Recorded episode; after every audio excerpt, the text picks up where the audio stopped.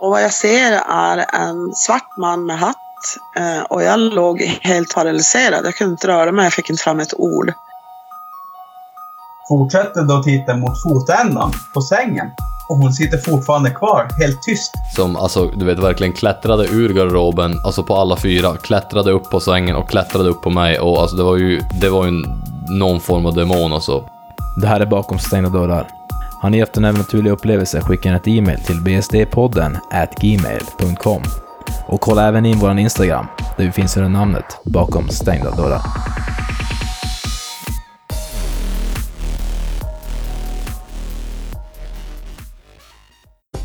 Tjena tjena, välkommen till kväll Alexander. Och Alexander här. Ikväll har vi med oss Jenny. Jenny kommer att berätta hur hon blandar sin medicinska grund med det okända och hur hon har utformat en egen typ av yoga. Jenny kommer även berätta om sin resa till Glastonbury där hon besökte vad man tror är King Arthurs grav. Vi kommer även prata ganska mycket kristaller, yoga och annat. Välkommen hit eh, ikväll Jenny. Tack så jättemycket. Tack, vad roligt. Vad du hade en upplevelse bland annat när din farmor hade gått bort. Du hade kunnat prata lite om det om du vill. Mm, när jag var nio år så eh, förlorade jag min farmor och hon dog väldigt ung. Eh, och jag såg när det här hände, jag var med, det var en lite akut situation. Eh, så det blev ganska, det var en ganska svår upplevelse för mig. Mm. Och sen gick det väl en tid och jag vet inte riktigt, eh, jag fick inte vara på begravning och så. Så att jag eh, hade nog inte riktigt avslutat den här kontakten med henne eh, här i livet. Och när man är barn så är det ganska, det är inte så lätt att förstå det. Som när man är vuxen så kanske man kan ta en sorg på ett annat sätt. Då. Men så gick det en tid och sen så, jag vet att jag cyklade, vi bodde nämligen i hennes hus sen efter det här.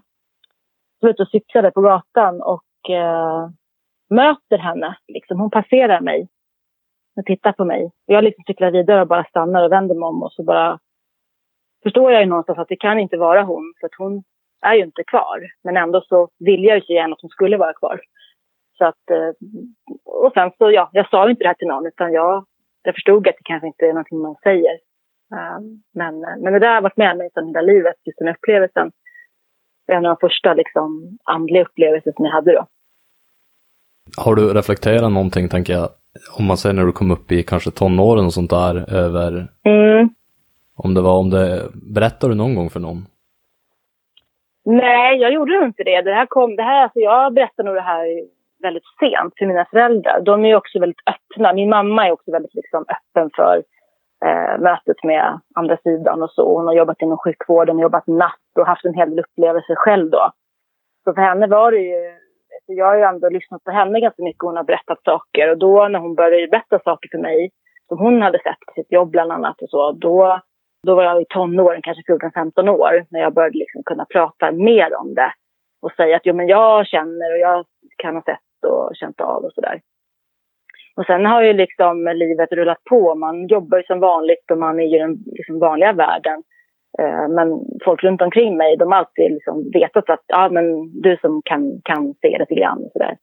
Så man har alltid haft det, liksom, ibland pratat om det, men, eh, men eh, inte sådär jätteöppet förrän kanske för ungefär sex sju år sedan. Så då började liksom allt det eskalera. Eh, jag såg mer och mer saker. Jag liksom, eh, kunde vakna på, på nätterna och se, liksom, jag har sett faktiskt en ängel en gång, en jättestor. Då. Och då när man vaknar, då fattar man liksom inte, man förstår inte liksom, när man först ser det. Men sen just den gången, så har jag förstått att det är jätte, jättevanligt att se en sån stor ängel. Eh, och det som kom från den här ängeln, det var bara ett sånt enormt ljus som bara strålade liksom mot mig. Det var så här, man ville bara gråta för det var sån kärlek i det här ljuset. Um, och det var ganska länge, den stod där ganska länge, säkert en kvart, 20 minuter. Och bara liksom öste över um, ljus på mig. Såg och det har bara hänt en gång tyvärr. Såg man någon slags detalj eller sådär från ängen? Alltså kan man beskriva hur den, eller det var bara ett ljus eller? Nej, den var, jo, det var, jag är säker på att det var en ängel. För den, var, den var stor och man såg liksom stiletter av liksom såna här, det klassiska som man tänker sig, vingar. Och den var väldigt hög. Den tog upp liksom hela rummet, hela hörnan liksom upp i. Och är det i tak där? Den lägenheten bodde jag i i Stockholm city. Det är liksom sekelskift. Liksom, ja, kanske tre meter i höjd. Då. Ja, jag har hört att de är väldigt stora. Ja, och det var säkert en av ärkeänglarna då. För de är ju sådär magnifika. Och jag fattade inte det då, men jag tror att jag hade, mycket, jag hade en svår period i livet då. Och då hade jag liksom bett om hjälp ett par gånger högt, sagt högt för mig själv. Eh, och då kom det där. Eh, så. Och sen, sen har, efter den händelsen så har det liksom blivit mer och mer till att bara för kanske fyra, fem år sedan har det liksom blivit jättemycket mer.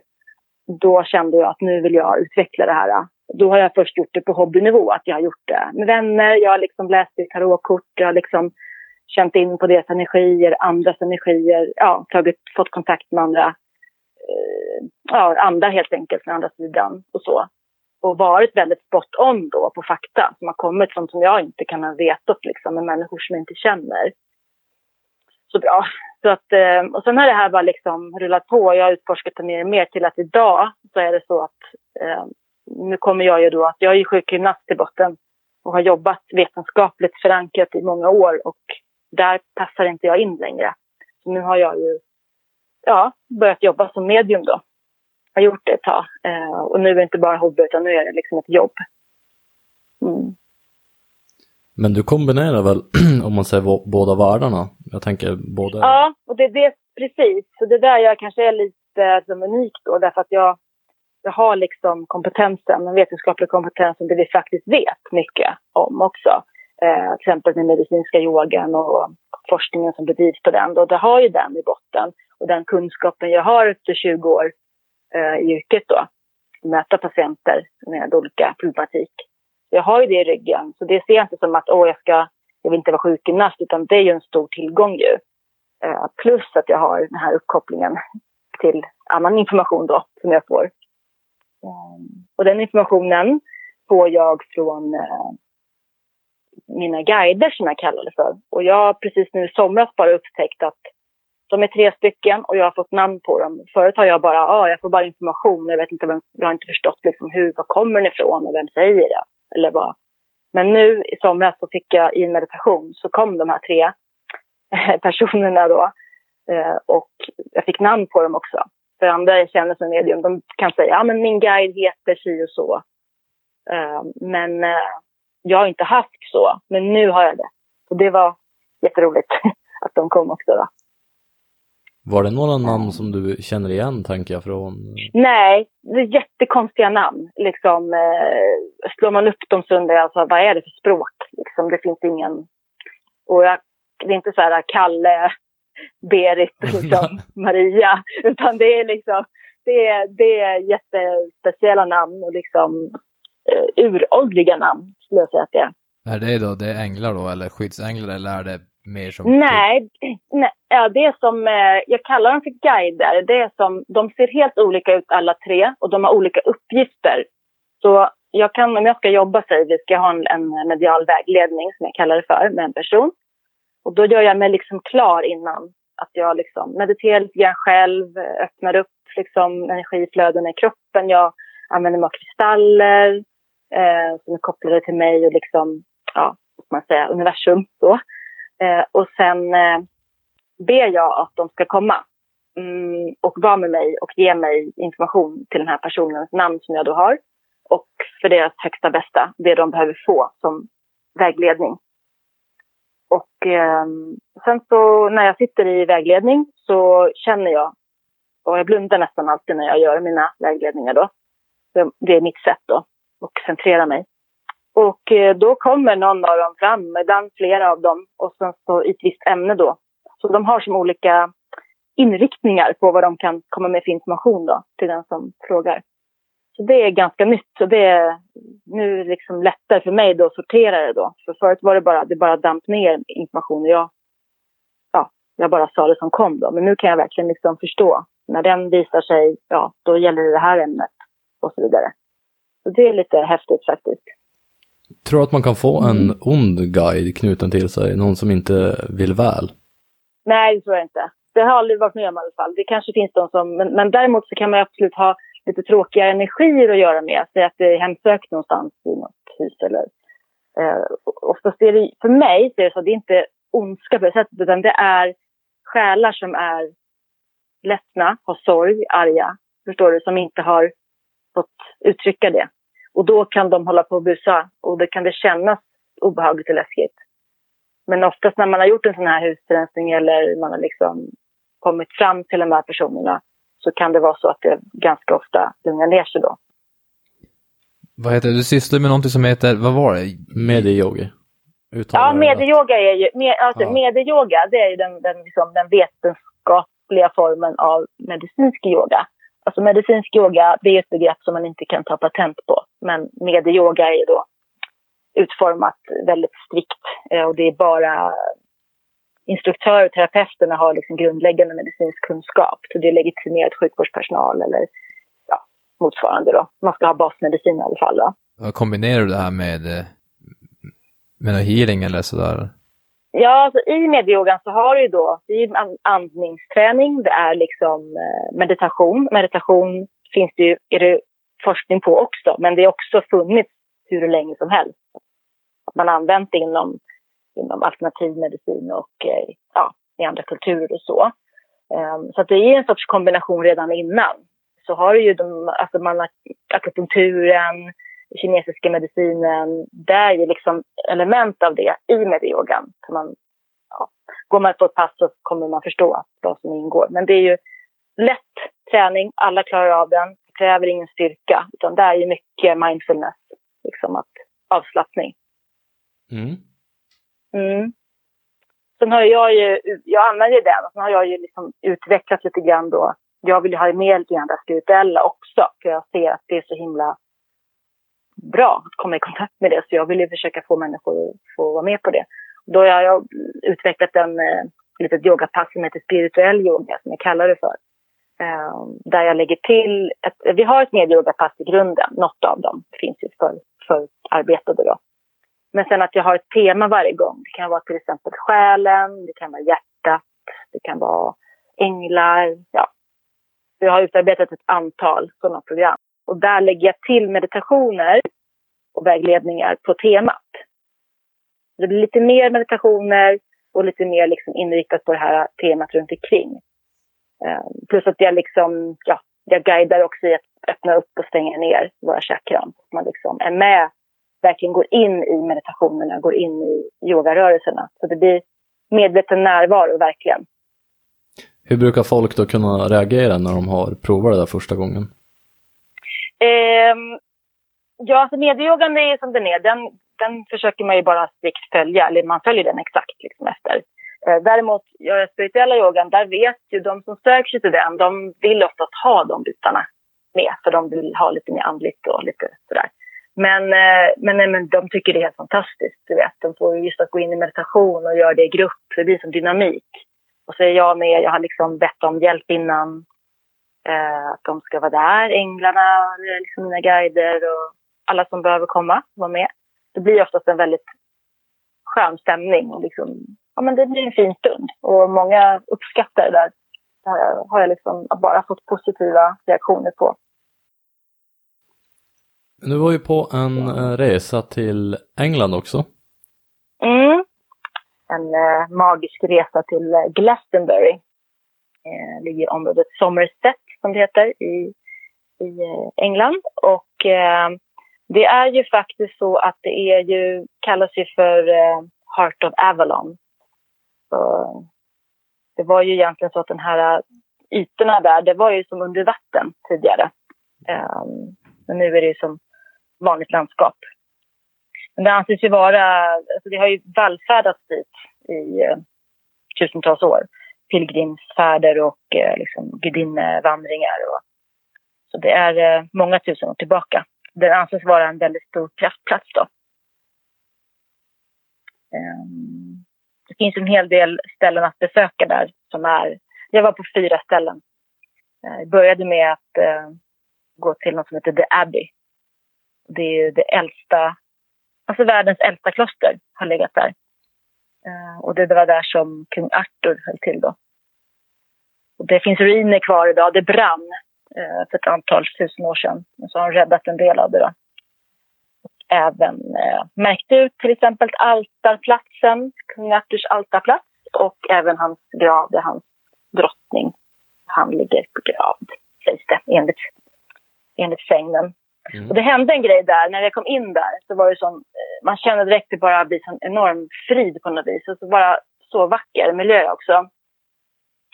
Och sen så gick jag förbi eh, hans altare och så kände jag en jättestark värme rakt in i vänstra örat. Jag bara, men gud vad, varmt det blir i örat, sa jag till min väninna då som, ja men som går tillbaka, liksom, går tillbaka då. Han kanske vill säga något. Ja, tänkte jag, går dit och ställer mig då.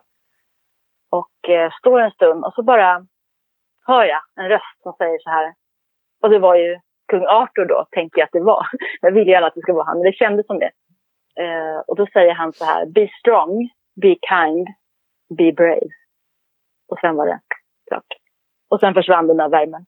Det måste vara en grymt häftig upplevelse.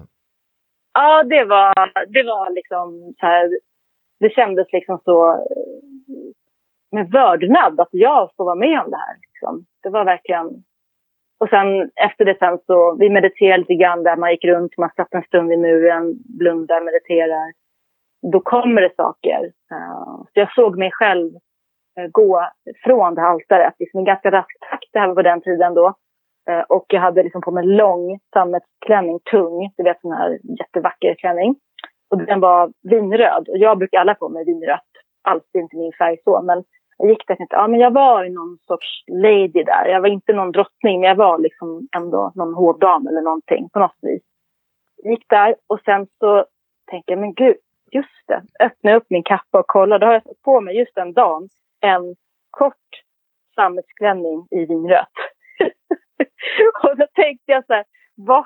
Ja, och det är inte ofta jag har den. Det är liksom, men den hade jag med mig och den tog jag på mig och det var den dagen. Och sen såg jag mig själv i den där långa vinröda. Så sådana där roliga sammanträffanden är ju kul att uppmärksamma faktiskt. Som jag då gör det alltid för jag, jag tror ju på sånt. Men det får man ju tolka själv. Men det var, ja. Vilka andra platser var du på? Du sa tre Ja, andra. då, Precis, så var vi där och sen så var vi på, finns det ett ställe som heter, det här stora berget då som man, man kan bestiga där. Det står en, en, ett torn kvar efter eh, kyrkor som eh, mejades ner av eh, Henrik den åttonde tror jag, som inte alls gillade det här på 1500-talet. Men de tillhörde det här, The Abbey, klostret. Men det finns kvar ett torn och den här platsen anses ju vara helt magisk. Det är liksom korsat i två kraftlinjer där. Man har talat om jordens kraftlinjer. Och det är det Sankt Michael och Sankt Mary tror jag att det var, om jag inte säger fel. Eh, och det var, dit skulle vi vandra upp då. Eh, så vi började vår pilgrimsfärd upp där, för det var ganska brant, så man är ganska trött när man kommer upp. Men sån otrolig eh, energi. Det var det absolut häftigaste energin på hela resan. Det var det var med sån, också sån här respekt och vördnad känner man när man är på de här platserna. Kommer upp där och bara liksom utsikten, man sätter sig i det här lilla tornet, eh, blundar, bara tar in, eh, man känner hur, hur starkt det är, liksom, kraft. Som bara går rakt in i en. Man får som en djup healing, känns det som. Skulle du kunna beskriva hur känslan är? Jag tänker om man är någonstans där det är väldigt starka energier man kan ju nog uppleva det på olika sätt. Jag, jag kan bli, eh, oftast får jag känslor av personer och sånt när jag gör vanliga läsningar och sånt man känner. Men det här var som en, det är så mycket kraft. Det är som att man får, en, man får ju, man blir, får ju extra energi i hela ens system. Man orkar liksom, man klarar vad som helst känns det som. Man blir liksom bara fylld med den här eh, höga energin. Man kallar det, jag kallar det för hög energi. Eh, man blir liksom glad och man, blir, eh, man får lyster och ja, man blir lycklig på något vis. Man blir bara, man hittar sin själ, så kan jag också säga. Man bara blir helt sig själv. Så lite så här Mm. själsligt koffein typ att man... Ja, Ja. verkligen. Bra uttryck. Jättebra uttryck. Precis så. Men jag har som bara känt eh, av, tror jag, negativ energi. Har du det? Vad roligt Mm. det där. Nej, när vi var Mm. ju, eh, lite så sidospår, vi var ju på sanatoriet i Sandträsk och eh, då kände vi ju båda en negativ energi och det var ju som, Mm. det var inte trevligt. Nej, precis. När det har hänt saker på vissa platser sådär, då kan man ju känna det. Absolut. Det är ju så man känner till exempel när man gör husrensning och så hemsökta hus som jag gör ibland. Då, då kan det vara händelser. Och det kunde lika gärna vara på det här äh, där vi var på Kung Arthur. Där var det också så att där var det inte bara jätteroligt, utan det var ganska tungt där. Här uppe, där var det liksom hög energi, hög luft. Men där var det liksom, du vet, där har man ju vallfärdat i tusentals år, pilgrimer, gudinnor, alltså och gått upp där och liksom haft den här uh, intentionen om att det här var gudomligt. Mm. Förstår ni skillnaden där? Att det har varit som en uh, ren källa från liksom himlen. Så Man, känns det. man känner jag, alltså att det är som energipackat där eller? Ja, precis. Av bara liksom kärlek och ljus. Och jag hade ju köpt ju en, jag har alltid, jag har letat efter en liten kristallkula för mig. Jag vill ha som en liten, som man ska jobba med så här, när jag jobbar. Eh, och ha en liten kristall som är liksom min, min som ska vara med hela tiden. Så hittade jag en dag innan jag bara, åh den här vill jag ha. Eh, det var en korsning mellan rosenkvarts och platinum. Och det är väldigt, rosenkvarts står för alltså kärleksenergi till sig själv och andra. Platinum är en väldigt hög energi som är liksom kopplad till den gudomliga kraften. Jag tänkte wow, kombinera den, det blir superbra. Så jag med mig den upp dit. Så höll jag upp den i luften framför min kompis. Tog lite kort och sådär. Jag ville bara att det skulle vara ett snyggt foto. För det var så fina vyer där och fina ljussken och sånt. För det var sol den dagen. Så kollar vi på korten efter och sen. Då, är det en, då har det bildats en, en tjock ljusstråle rakt från himlen och bara rakt ner i min kula. Och det är ingen, liksom, det är ingen, ingen spegel eller så, så det blir en spegling, utan det är bara en, en kraft. Den börjar lysa alltså? Ja, den, den liksom, det gick som en stråle från, eh, jag har ju foto på det, jag har lagt ut den på Instagram där. Jag ska in och kolla nu på en gång. Kika. För det var helt magiskt. Och vi sa det, men wow, nu fattar jag, nu är den där helt tankad till mig nu med, med, med den där kraften. Hur länge räcker det då? Man tänker, är det som att det är som ett batteri eller? Ja, man kan ju tänka att man, eh, ja, alltså jag som är sådär att man kan koppla på sig på andras energier lite när som helst. Men nu känns det som att man har blivit helt intresserad av de där energierna. Det som hände oss när vi hade varit där den dagen, vi gick ner för berget och gick hem, eh, gjorde oss i ordning och på kvällen jag sa det, men vad är det som händer? Jag måste ut, jag är så varm, kolla mig i spegeln. Jag höll på att brinna upp, alltså jag var så varm i ansiktet, mina öron var alldeles röda. Så gick jag in till mina vänner som störde mig kolla och de var samma. Så de hade, vi hade som ett energipåslag i hela liksom kroppen efteråt. Och då tänkte vi, ja, ja, men det kan ju vara vad som helst. Det kan vara att det var sol eller... Men det var inte sån värme. Det var liksom en djup värme i hela liksom kroppen. Ehm, men sen dagen efter så blev det samma sak för den ena tjejen. Hon gick upp igen. För jag gjorde inte det, för jag kunde inte gå så långt. men, men hon gick upp igen och kom ner och så efter en stund så började det på henne. Nej, så nu, är, nu kommer det igen. Och man ser på kinderna hur det bara börjar liksom blossa. Så att någonting, någonting händer där då, på, på berget i tornet. Och det är bara godo. Absolut. Ja. Mm. Och från det här berget då, så i det här berget så sägs eh, den här heliga graalen vara gömd. Ni vet den här bägaren som Holy Grail. Jesus. Mm. Eh, myten säger det. Och det finns två källor nedanför. Så det finns ett som heter White Spring och ett som kallas för ja, Red Spring. White Spring, där är det, som en liten, det är en liten eh, grotta som man går in i. Och eh, det är gratis. Man kommer in där, det är släckt, det är massa ljus tända. Det är som en, eh, ja, en halv meter djup bassäng med lite andra bassänger bredvid. Det är en jättehelig plats. Man går in där. Eh, folk klär av sig bara spritt språngande, ställer sig i den här källan och bara renar sig med det här heliga vattnet. Sitter och mediterar liksom lite och lägger någon kristall kanske. Väldigt speciellt man känner, men gud, jag kan inte stå här avklädd. Men det är som att man inte bryr sig. Man vill bara göra den här reningsritualen. Um, ehm, på andra sidan vägen ligger något som heter Charlie's Well. Och det är en trädgård, underbar trädgård med en, helig, en brunn som de har då sparat. Uh, där kommer vattnet från vad man tror då, den här heligralen. För det smakar lite järn och det är lite, lite färgat. Och man säger att det är då rester av Jesu blod. Mm. Som myten säger, legenden. Så jag tog hem vatten därifrån, fyllde på våra flaskor och har med sig det hem. Visst rensade du kristaller i det vattnet också? Eller säger ja, man rensa? Ja, precis. precis. Så först hällde jag på det här vattnet med, som är rensande, eller som renande. Och sen har jag också hällt vatten på från den andra som då är helande. så släpa hem de där kristallerna då. Så de ska jag ha till, till försäljning här på ett litet öppet hus som vi har där jag har min yoga. Har du någon webbsida eller så tänker jag? Eh, Nej, jag håller på att jobba upp Nej, jag håller på att jobba upp en eh, webbsida här men det är liksom, allting har hänt så snabbt nu med allt de här praktiska detaljerna så det kommer. Men men min kollega Lena då som tog hem och sålde via Instagram bara, de tog slut på ett dygn. Okay. ja, för det blir lite speciellt när man gör den här liksom ritualen. Eh, köpte lite råa, råa kristall, rosenkvarts, bland annat rökkvarts, ametist. Ja. Och så gör man den här lilla, det är lite fint att ha som en liten speciell grej. Det är inte bara en kristall utan det är liksom med energierna från den här platsen. Men det här vattnet, det kan man ju... Eh, jag tog hem lite grann då. Sen kan man ju, det man gör, det är att man, man dricker upp lite grann av det, häller ut lite och sen häller man på nytt och så kan man öka och öka så att man har ett...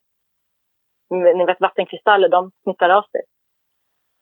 Det finns ju faktiskt forskning på, en japansk forskare som tittade på vattenkristaller, vad som händer när man lägger känslointentioner in i vatten. Och man kan titta i mikroskop på hur det ser ut, kristallerna, och de ändras. Så tänker jag. Mm, så vet, tänker jag. Jag har lite vad, heligt vatten här hemma. vet du vad han heter den här? Tänker som undersökte den. Åh oh, gud, jag vet inte. Jag vet att det var en utställning för massa år sedan i Japans tunnelbana. Så hade han satt upp alla liksom, bilder på dem. Och det var du vet så här hate, love, eh, sadness, allt det här. Och, och, alla kristallerna blev olika. Så kunde man fota upp dem då. Jättehäftigt. kan man säkert söka på.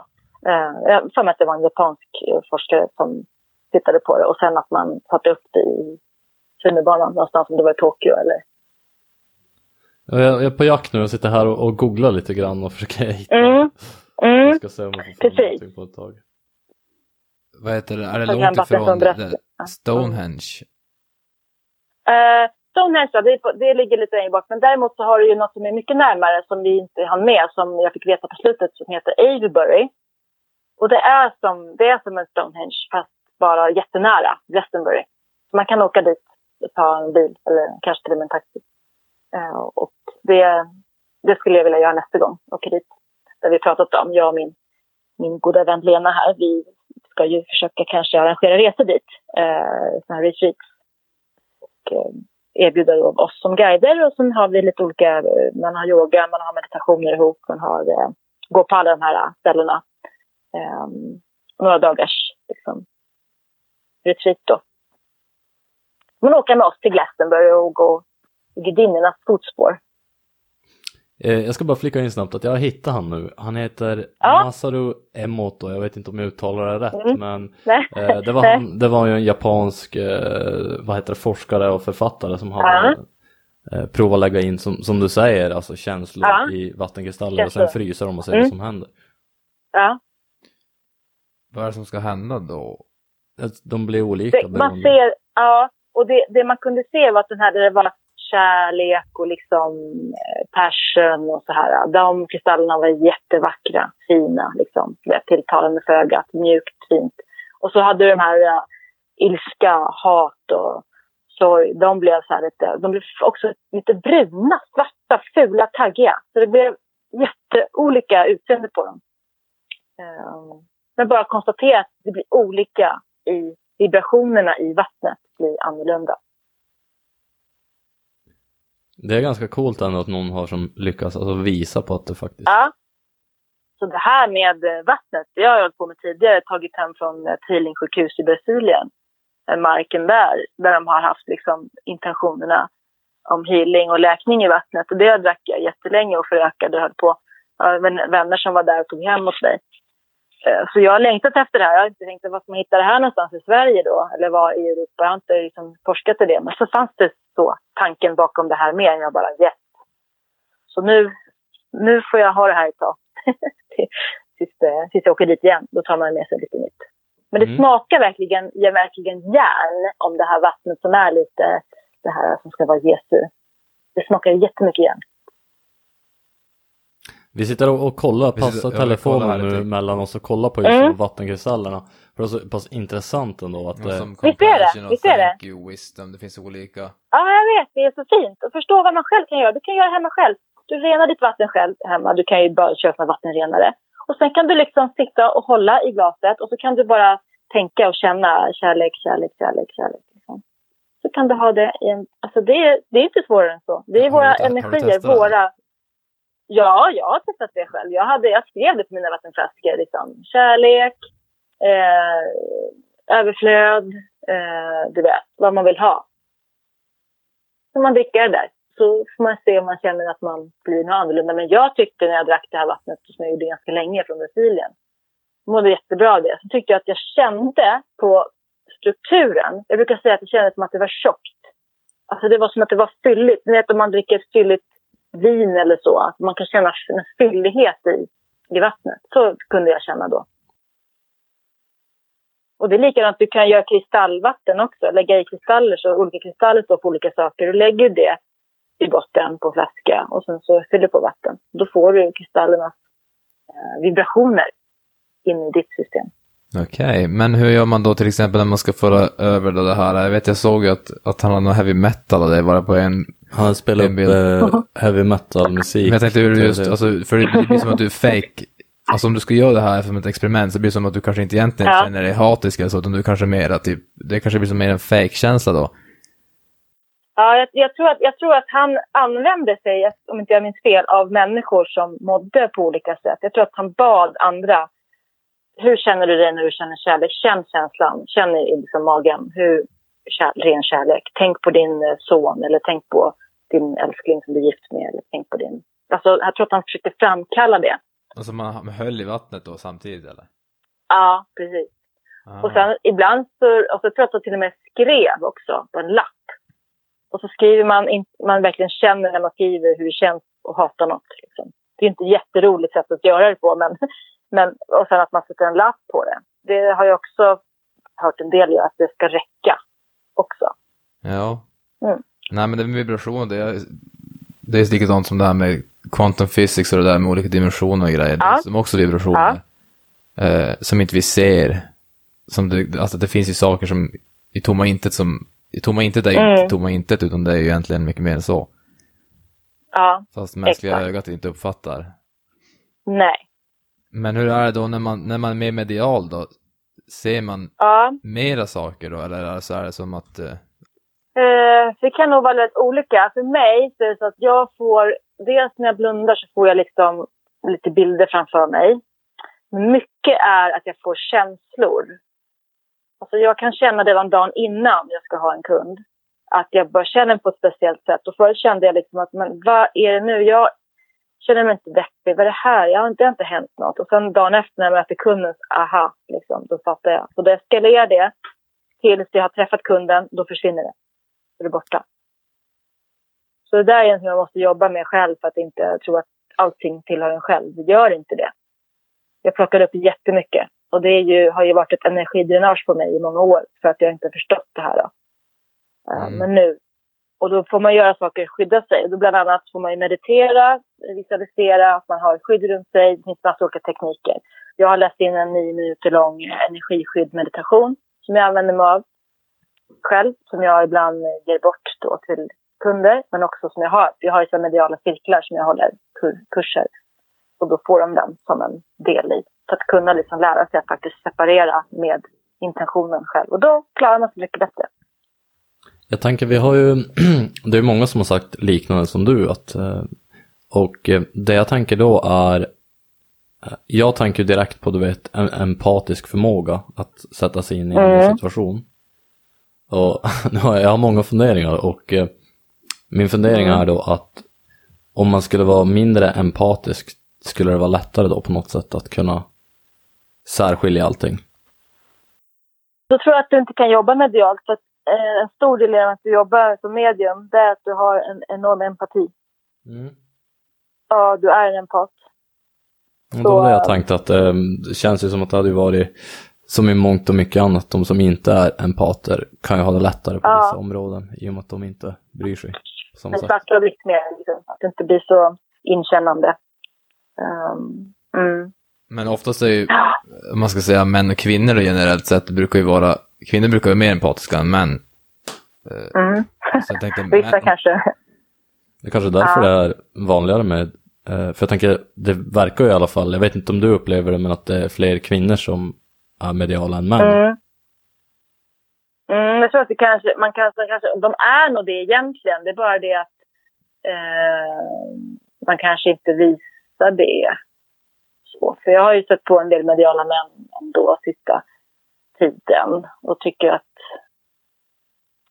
ja, det är svårt. Jag kan inte riktigt eh, svara på det. Men jag tror att det är, mer, det är mycket fler kvinnor som, som rör sig i de här kretsarna som liksom pratar om det och visar det öppet och så. Mm. Uh, jo, men det är det ju. Ja, nej, det kan ju också ha att göra med om man säger samhällsstrukturer och sånt där. Mm, Att det mm. har att göra med att det inte är lika mycket män som, det kanske är lika många män som känner men de, de vill inte gå ut med det på samma sätt. Ja. Nej, precis. Absolut. Det är klart att det kan vara lite konstigt. Jag menar, jag har ju fått mörka det här ganska länge eh, eftersom att jag har, har det jobb jag har och det är inte så lätt att liksom blanda det då hur, hur som helst. Eh, och det gör jag ju inte heller när jag är sjukgymnast. Och det är, då jobbar jag med sjukgymnastik. Då är det ju som, det är det jag gör. Mm. Du, du råkade ju någon gång bara, Men- oj, här var det. Ja, det är inte bra. Jo, jag, många, många gånger känner jag ju mycket, väldigt mycket saker. Men jag kan ju liksom inte använda mig av metoder eh, som jag liksom gör kanske annars då. För det är inte det de är där för. Nej, Eh, precis. Men eh, så, så är det. Men, men det är en, e- det egentligen är det en bra, man känner ju av människor. Det är jättebra att kunna göra det för att kunna se andra, vad de behöver. Och sådär. Men det är ingenting som jag kan jobba med dem på det sättet och tala om för dem. Jag, Smyg- jag stänger ner, jag, jag, jag, jag är inte på. Liksom, jag har stängt av den kanalen när jag är sjukgymnast så, i den yrkesrollen. Det är bara det att eftersom att jag inte klarar av att göra det längre. Jag mår, jag mår inte bra av att ha den stängd. Förstår du vad jag menar? Jag behöver ju, eftersom att jag vill jobba med det här nu, så om jag håller på att stänga ner för att jag är tvingad till det, så Mm. lever ju inte jag mitt högsta bästa, min, det min själ ska göra här Mm. i det här livet. Nej. Då mår man inte bra. Då, då fixar inte jag det. Det blir, för, det blir svårt då. Jag, jag behöver få vara i det här andra nu. Resten av mitt yrkesliv kommer att handla mycket mer om det. Jag har en liten fråga här om, jag fick en sån här chakran-balansering tidigare. Mm, mm, Och då så... eh, Alltså jag, jag, jag, jag är som lite, jag är, alltså jag är lite skeptisk ibland till sånt där, jag vet inte. mm. Men, eh, och sen så då, då var det som, ja men då går man ju med i en av de här eh, olika Ja, just det. chakran-nivåerna då. Och sen så när man kom till som pannan, då började det som molna där på mig. Alltså jag fick som en, det känns som att det domnar lite grann i pannan. Ja. Tredje ögat. Och sen så vet jag inte riktigt, jag, och jag, jag tänkte så här, det måste ju vara därför jag tittar på den där grejen. Och sen så blundade jag, men det fortsatte, det fortsatte typ en timme efter det där. Ja, Och jag vet inte, det var väldigt skumt, Mm. alltså, jag vet inte riktigt hur... Ja, nej. va, va, va, Man aktiverar, det aktiverar förmodligen och försöker öppna upp det här tredje ögat som man pratar om. Alltså fokuseringspunkten är mitt i pannan. Det är ju pannchakrat. Även kallad tredje ögat. mm, Och det är ju där man liksom connectar med eh, eh, sitt inre, alltså sin själ. Om du frågar mig så är det där ljuset sitter. ja, Och eh, när man öppnar det och börjar aktivera det så kan många känna av det ganska starkt. Jag extremt, jag, jag har fortfarande att det är rätt så bara surrar det där och jobbar. Och det är när man håller på och öppnar upp. För det gör ju ni också eftersom att ni är inne på det här området och vill fors- forska det här och prata om det ja, börja liksom vara med på sånt här. Och då, då kan det kännas rent fysiskt i kroppen. Hur det där liksom, det kan surra lite grann upplever jag. Det kan liksom, ja, kännas som att det molar. Man kan få väldigt mycket huvudvärk. Man kan få ja, men problem helt enkelt som man tror är, är fel. Men det finns inga fel. Utan Det är tredje ögat som håller på att aktivera sig. Öppnar upp. ja, Mm. Det var nog det du kände. ja, det, säkert. Var det nog. Och då fick du lite proof också på att, lite bevis på att det inte bara, om du nu var skeptisk då, så är det himla bra när man, när man får något litet sådär. Mm, Det händer ja, något, som man får känna det. på det. Mm. Har du märkt någon skillnad då, tänker jag? Nej, det vet jag inte riktigt, men man måste ju säkert göra det mer också kanske. Meditation är ju ett säkert sätt att börja titta inåt där. Och I medieyogan så använder man ju väldigt mycket lite olika mantran som står på olika saker. Och sen har man alltid då, man blundar och fokuserar, man tänker att man tittar snett uppåt, inåt, under ögonlocken mot då center, mellan ögonbrynen. Att man ska som titta ut genom pannan eller? Ja, men precis. Man liksom blundar och så tänker man att man liksom riktar blicken snett uppåt inåt mot eh, den här pricken då, mellan ögonbrynen. Ju mer man tränar på det här slut, till slut så kan man börja liksom se saker och jag har haft mina, de ser väldigt olika saker mina deltagare. Eh, jag har en som eh, såg saker väldigt snabbt och liksom alla möjliga roliga saker kom springande. Och så det, är, det är ju väldigt olika hur man upplever. Jag ser inga direkta bilder utan jag får mer att jag känner av det. Eh, och sen att man kan se lite ljus eller så. Eller en del beskriver som man faktiskt ser ett öga som verkligen, man ser det här ögat liksom, titta på en. Um, men vi har ju olika körtlar liksom i hjärnan. Du har the pineal gland som det kallas för på engelska. Den sitter ju där innanför. Och det är en körtel som man tittar på en hel del också i forskningen, att vad som händer där i meditation. Det är också häftigt att man kan ju mäta det idag. Du kan ju göra magnetröntgen och titta på, alltså datortomografi, titta på hjärnan vad som händer när folk mediterar. Eh, det som händer är att du har ju två olika centra som, som aktiveras då. Hjärnan, mm. som är hälsosamt. Det är en hälsosam uh, vila och man, uh, man läker olika delar i hjärnan. Det finns ett par meditationer i medyogan som det finns så bra forskning på. Bara den ena är ju, har man ju, finns ett Nobelpris på för upptäckten om att kunna förhindra och bromsa, till och med reversera Alzheimers sjukdom. Ja. Och den är, ja, men den är ju, den är ju känd och den finns det ju god bevis på. Så den kör vi ganska ofta. Så det är för minnet, Jag vet att man kopplar mycket det pineal gland till när man har en out of body experience och sånt där. Mm. Då arbetar tydligen ja. den delen väldigt mycket. Så att någonting har vi där, men det är ju jag tycker det är spännande när man kan, jag gillar att kombinera det vi faktiskt ser, på, hitta på bevis, plus det som vi känner. Det är så kul när det går hand i hand, äntligen. Man har ju forskat på det här i 90-talet på medieyogan och vad som händer. Det är olika rörelser och mantran och olika fokuseringstekniker. Då. Och det, det händer jättemycket saker. Det finns hur mycket forskning som helst att läsa på. Svensk forskning. Vi väger tungt också. Vi vill ju ha svensk forskning av någon anledning.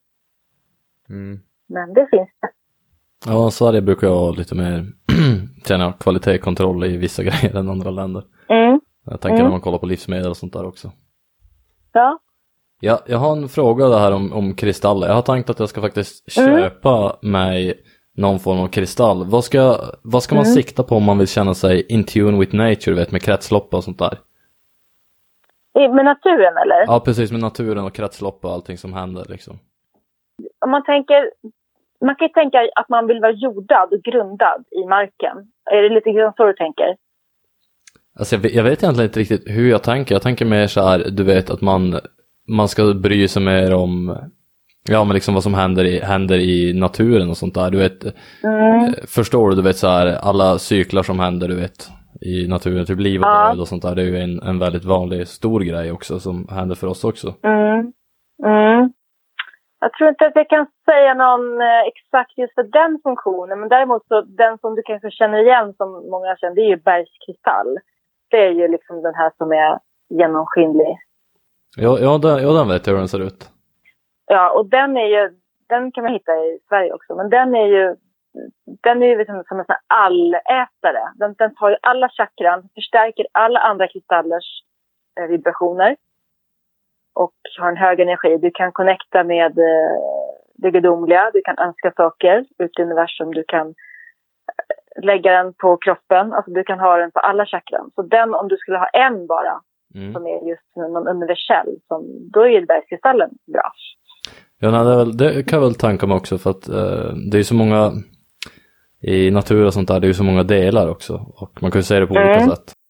Det är ju inte bara liksom död och kärlek och liv, det finns ju allting i naturen så. Mm. Så annars om du vill ha en kristall som, är, alltså, som beskyddar dig samtidigt som den, den släpper igenom bara, den, den stoppar lite de dåliga energierna och, men ändå att du är uppkopplad och får beskydd samtidigt, det är ju ametist. Den är väldigt bra att ha, den är lila. Den är bra att ha i eh, sovrummet för sömn, mm sömnen och så. Så, så du är liksom i kontakt, det är en hög vibration, den jättehög, men du är i kontakt med universum med den, men du är ändå beskyddad. Så du släpper igenom det, det du ska ha, det goda. Alltså jag har hört att om man mediterar med vissa kristaller då kan man, då kan man få iväg väldigt långt bort. Ja. Ja. Alltså det finns, man blir helt, du vet det här kristallmeckat typ som vi var i nu, det känns ju så. De har ju det är butik för butik bara i Glastonbury med kristaller. Vi, vi hade ju problem att hinna, för vi ville ju bara liksom handla och handla. Man blir ju hagalen. Jag har ju, har ju massor med kristaller mot jämfört med för några månader sedan. Jag har verkligen och jag bara för ett tag sedan börjat kunna känna i min hand och vad de gör med en. Det har inte jag heller kunnat förr. Men det här, jag kan känna. Det kan känna fysiska fenomen, jag kan känna känslor, jag kan känna alla möjliga saker. Så nu använder jag dem på olika sätt. Så man kan välja utifrån dagsform eller vad man vill och behöver. Där kan man grotta in sig i hur mycket som helst. Ja, jag, känner, jag känner också det att eh, jag frågar egentligen kanske en väldigt simpel fråga men det, finns, gå, gå in väldigt mycket på det. Nej, det, man måste nästan välja kristall efter dag, humör och vad man behov. Det är så man använder dem. Men om du ska ha något som är, ja men du vet, som är lätt, lätt att få tag på och liksom du är väldigt bra. Det är alltså bergskristallen och ametist. Mm. Du tittar på dem och läs på dem lite så ser du vad du, vad du vill. Har du någon butik att tipsa om? För jag vet inte riktigt här uppe vad det finns för Alltså, du kan väl gå ut och bryta själv i naturen? Vi har väl sånt där. jag, får, jag tror det finns en ställe här. Ja, det finns ju det. Det är bara man ska veta var man ska leta någonstans. Ja, jag får, jag får eh. ta alltså, ametys, det vet jag inte riktigt om det kanske finns så där ligger och skräpar bara. Nej, men de ligger nog inte skräpar med. Men de, ofta får man dem som är som små kluster. Det är fint när de är, alltså det är som en sten i botten då, ut, utsidan på stenen. För det här är det, det blir när man bryter isär stenblock, då finns det i. Och där är det som, det är som taggar, som ett liksom, det kallas för kluster, när de sitter ihop, massa små spetsar. Mm. Och de är väldigt vackra, de här äh, ametistklustren. Och sen bergskristall är ju, ja, den är ju ren, liksom genomskinlig. Ibland kan den vara lite grumlad, lite grå sådär, men också, finns som kluster men också som färdigbrutna bitar som spetsar man kan köpa. Ja, man har sett de som gör smycken också och grejer av dem. Det finns ju väldigt stor. Mm. Mm. Armband och jag, jag, har, jag ser ut som en julgran ibland. Jag har liksom allt på mig. Men det är, man, man kan inte låta bli. Jag, jag, jag, var mycket på en butik i, i Gamla stan i Stockholm för några år sedan. De har lagt ner nu, men de hade väldigt mycket. Det var så det började för mig, att jag var där mycket och fixade. Jag måste ha, jag bara drogs till vissa smycken. Och sen när man läste på vad det betydde så bara, åh, oh, det var exakt det som jag behövde där och då. Så det slog aldrig fel. Det var så varenda gång.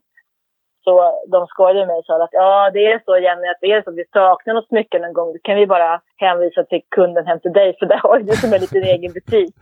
Och det är faktiskt ja, så precis. att jag har, ja. Och nu, nu, nu vill jag ha mera liksom själva bara stenarna och kristallerna. Nu behöver jag inte ha det i smycken, nu har jag köpt liksom bara, ja, man kan ha det i fickan eller på sig eller Ibland ligger jag har i sängen. alltså jag sover med mina kristaller, som min väninna Lena också. Hon brukar skoja, hon sover. Vi låg hemma hos henne och skulle sova över och då låg hon med en, en rökmatch och jag låg med en selenit, ett selenithjärta och bara liksom låg och somnade in där. Så att, eh, man kan tycka att man är lite knäpp ibland, men det är, ja, det är ju ganska...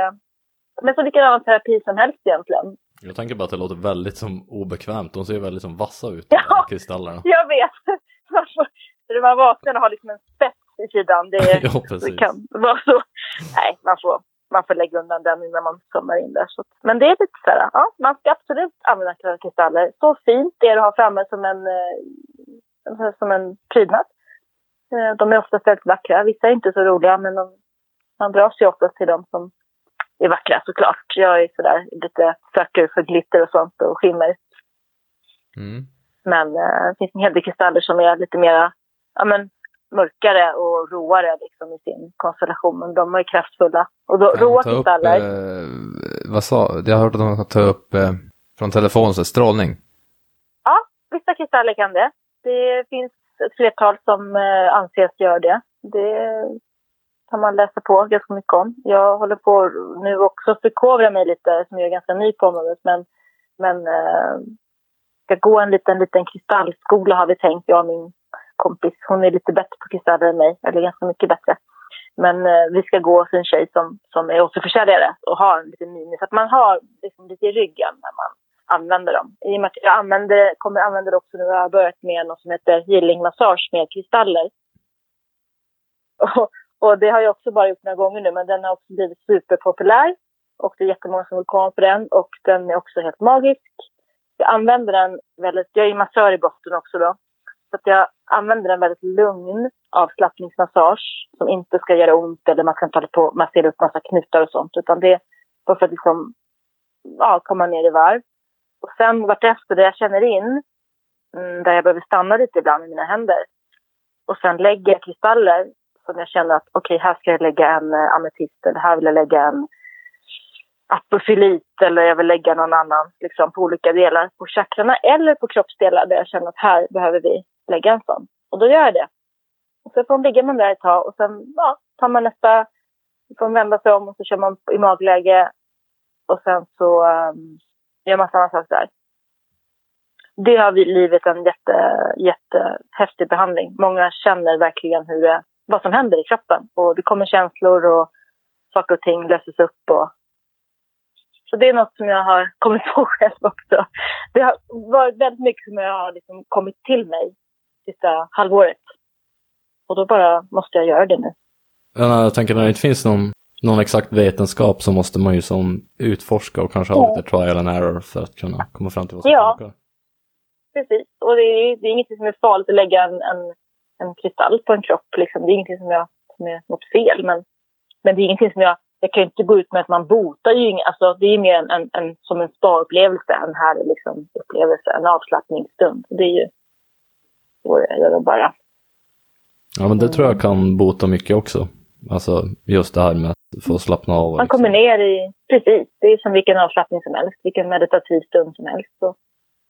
Ja. ja. men det är massage, massagen i botten som man använder sig av och det är ju, ja. Och så i tillägg då med lite kristaller i rummet så blir det fina energier. Ja, men jag tänker kristallbäddar är ju som ett ganska utbrett fenomen. Ja. De är ganska dyra att köpa men det är väl som många som använder det så det borde ju vara samma princip eller?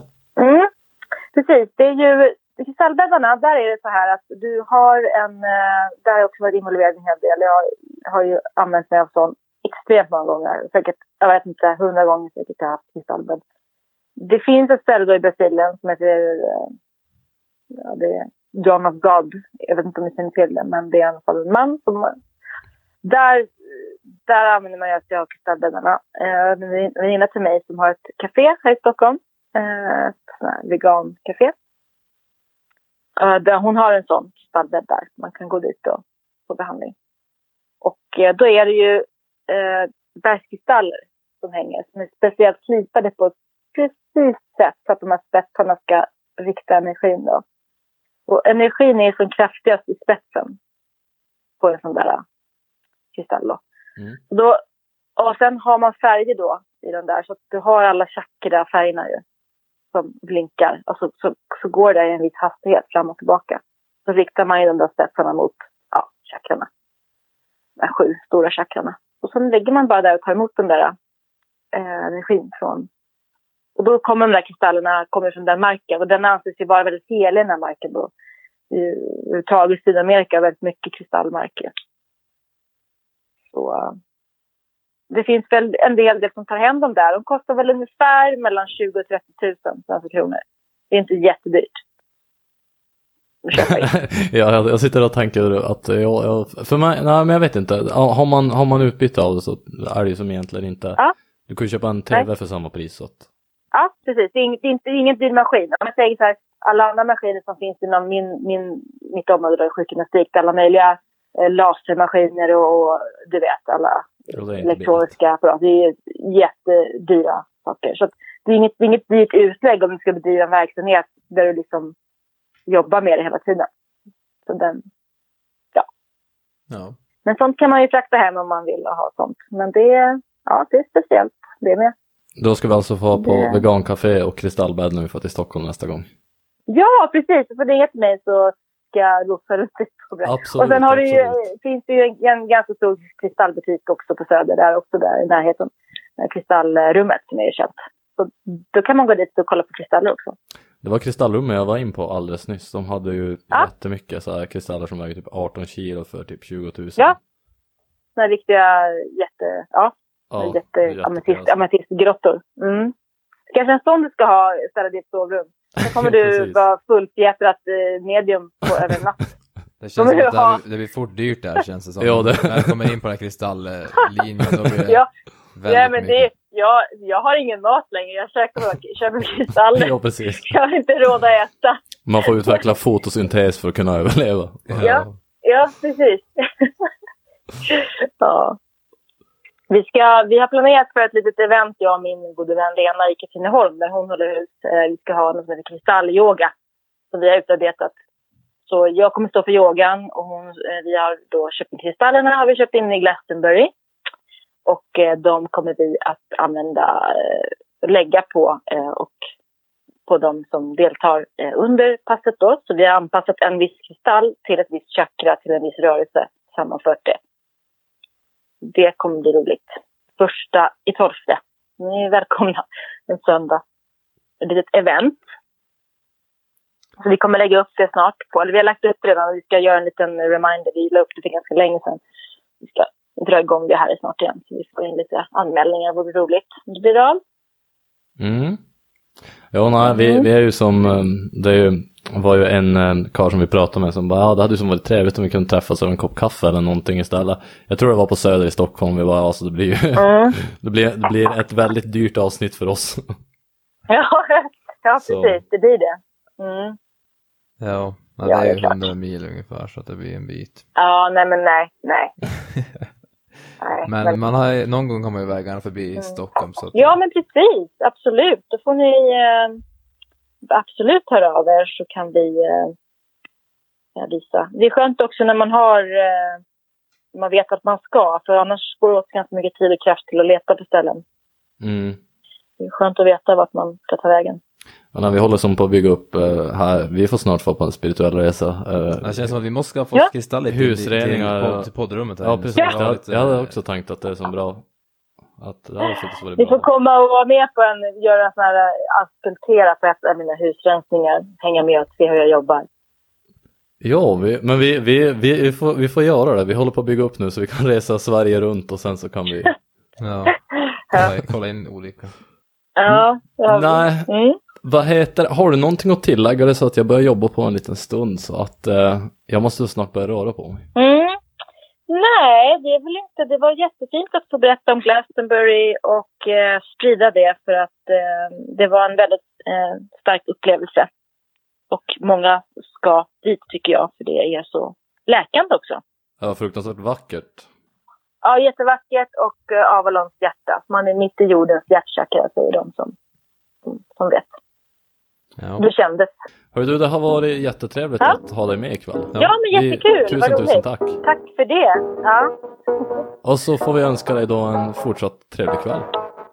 ja men detsamma. Ja, tack Ha så det så mycket. bra. Tack. Tack. Ja. Hej då. Ha det bra. Hej då.